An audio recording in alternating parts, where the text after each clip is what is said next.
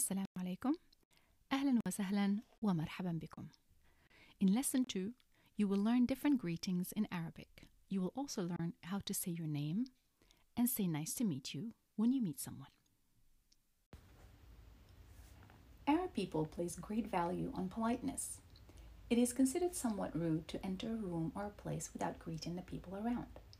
We will begin with two universal greetings. The first one, marhaba, or more formal, marhaban. Again, marhaba, or marhaban, meaning welcome. And this one is usually answered in the same manner by repeating the same thing again. Marhaban or marhaba.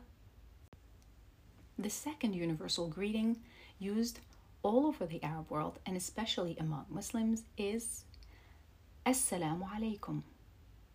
Again, Assalamu alaikum. Peace be upon you, or peace be with you, or peace unto you.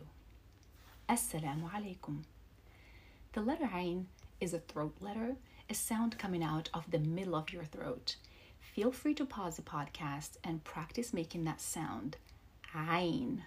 Alaykum. Assalamu alaikum.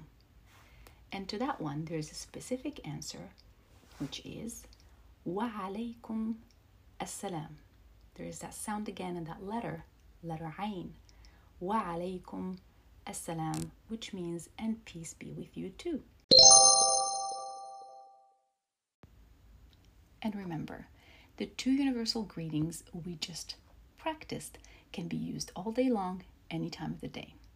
Now let's move on to greetings used at specific times of the day and place.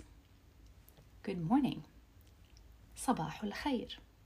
صباح الخير. صباح الخير.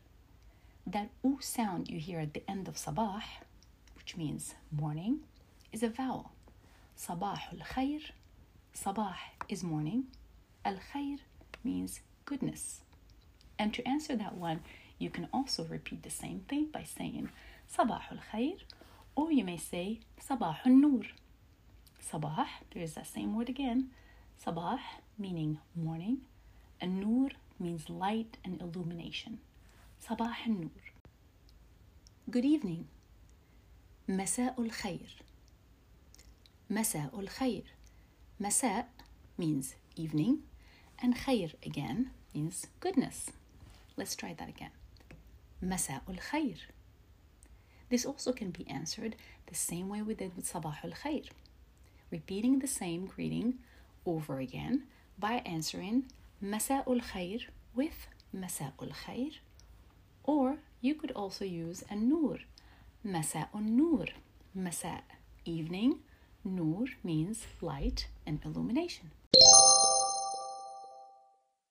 When greeting someone coming to your home or place, you may say Ahlan, welcome, another way of saying welcome, Ahlan. Or you may say Ahlan wa sahlan, Ahlan wa sahlan. There are many ways to say goodbye in Arabic. We will cover three different ways to say goodbye in this lesson, and we will get to cover the rest in future podcasts. To greet someone goodbye, you may say, someone you're going to be seeing soon, you can say, إلى اللقاء, goodbye, meaning until we meet again. إلى اللقاء. Altogether, إلى اللقاء. Another way to say goodbye is wishing somebody to go with safety. You would say, مع السلامة. There is that letter again. مع, the letter عين. مع السلامة. With safety. The third one, see you soon. And since we have the pronoun you here, you must pay attention when greeting a male versus a female. See you soon to a male, you would say, أراك قريبا. أراك قريبا.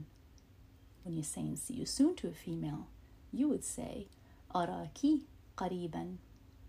أراكي قريبا or أراك قريبا. So let's review the greetings once more. Two universal greetings, مرحبا or مرحبا. And to answer that, same greeting, marhaban or marhaba. Second universal greeting, assalamu alaikum. Assalamu alaikum. And to answer that, you would say, wa alaikum assalam. Wa alaikum assalam. Good morning. Sabahul khair.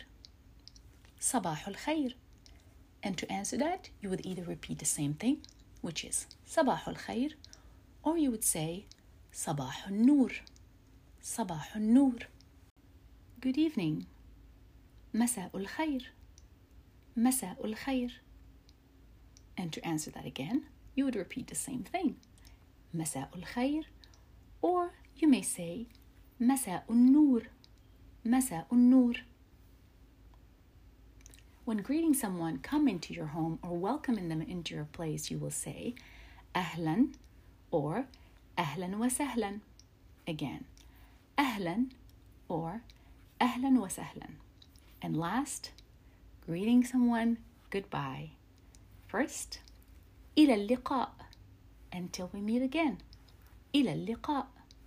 Second one, wishing them to go with safety. مع السلامة. مع السلامة. See you soon. Saying see you soon to a male, you would say أراك قريبا. أراك قريبا. And saying, saying see you soon to a female, you would say أراك قريبا. أراك قريبا. Now, let us learn how you can introduce yourself after you greet someone. مرحبا اسمي كوثر سررت بلقائك or سررت بلقائك Let's unpack that. مرحبا that's your welcome or hello in the beginning. اسمي كوثر اسمي my name is كوثر سررت بلقائك and I'm addressing a male here سررت I am pleased بلقائك to meet you if I'm addressing a female it would be سررت بلقائك سررت بلقائك again let's repeat that مرحبا اسمي كوثر سررت بلقائك Another word for nice to meet you is تشرفنا Nice to meet you. And this one, you don't need to worry about changing anything when addressing both a male or a female. تشرفنا. So I can do this whole sentence again. مرحبا اسمي كوثر تشرفنا. And I think this is the most popular one used, and everybody likes to use this one more than سررت بلقائك or سررت بلقائك. Let's try that again. Now this time use your own name. مرحبا اسمي تشرفنا I hope you were able to repeat after me and I hope you were able to take notes if you can. You may also come back to this episode to review and remember to pause and repeat. شكرا لكم. Thanks to you all. وإلى اللقاء until we meet again.